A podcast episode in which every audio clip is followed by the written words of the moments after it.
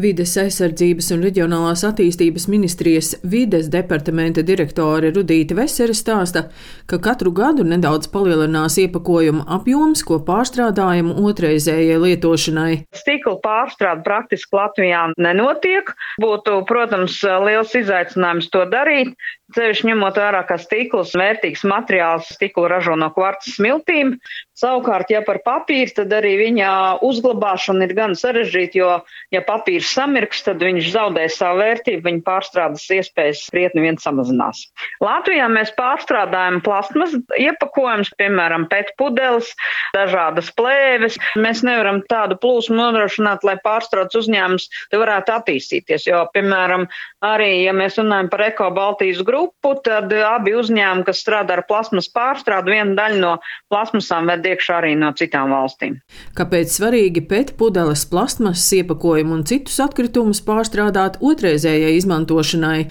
Viens no iemesliem lai nepalielinātos atkritumu kalni poligonos.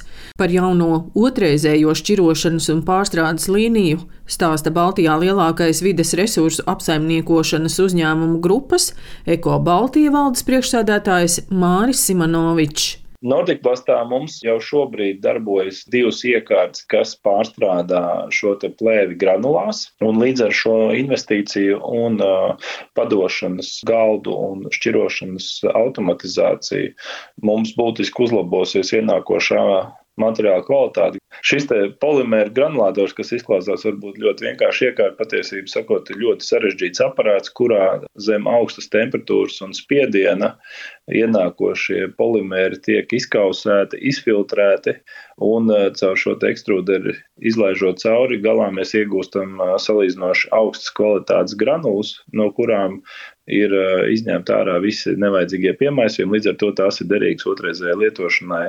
Un mēs šīs granulas eksportējam 99% apmērā, un lielākie tirgi ir Lietuva, Holanda, Čehija, Polija, arī Vācija, Francija. Rīgas Tehniskās Universitātes materiāla zinātnes un lietišķās ķīmijas fakultātes profesors Remo Merijs Meri vērtē, ka otrreizējo izēvielu polimēru granulu izmantošana ļauj uzņēmumiem samazināt enerģijas patēriņu. Protams, ja mēs skatāmies Eiropas līmenī, mums tur ir kur eh, augt ja, un eh, attīstīt šos reciklēšanas apjomus. Ja, lai nu, būtu līdzvērtīgi tādām Eiropas valstīm kā Vācija, Zviedrija. Visā pasaulē ir tendence, ka tiek nu, jau arī esošo materiālu ražošanai tiek izmantotas dažādas nu, atjaunojamas izēvielas. Tanī pašā laikā no nu, arī šī Eiropas zaļais kurs var ļaut eh, ilgākā nākotnē palielināt no atjaunojamām izēvielām iegūtu plasmas īpatsvaru.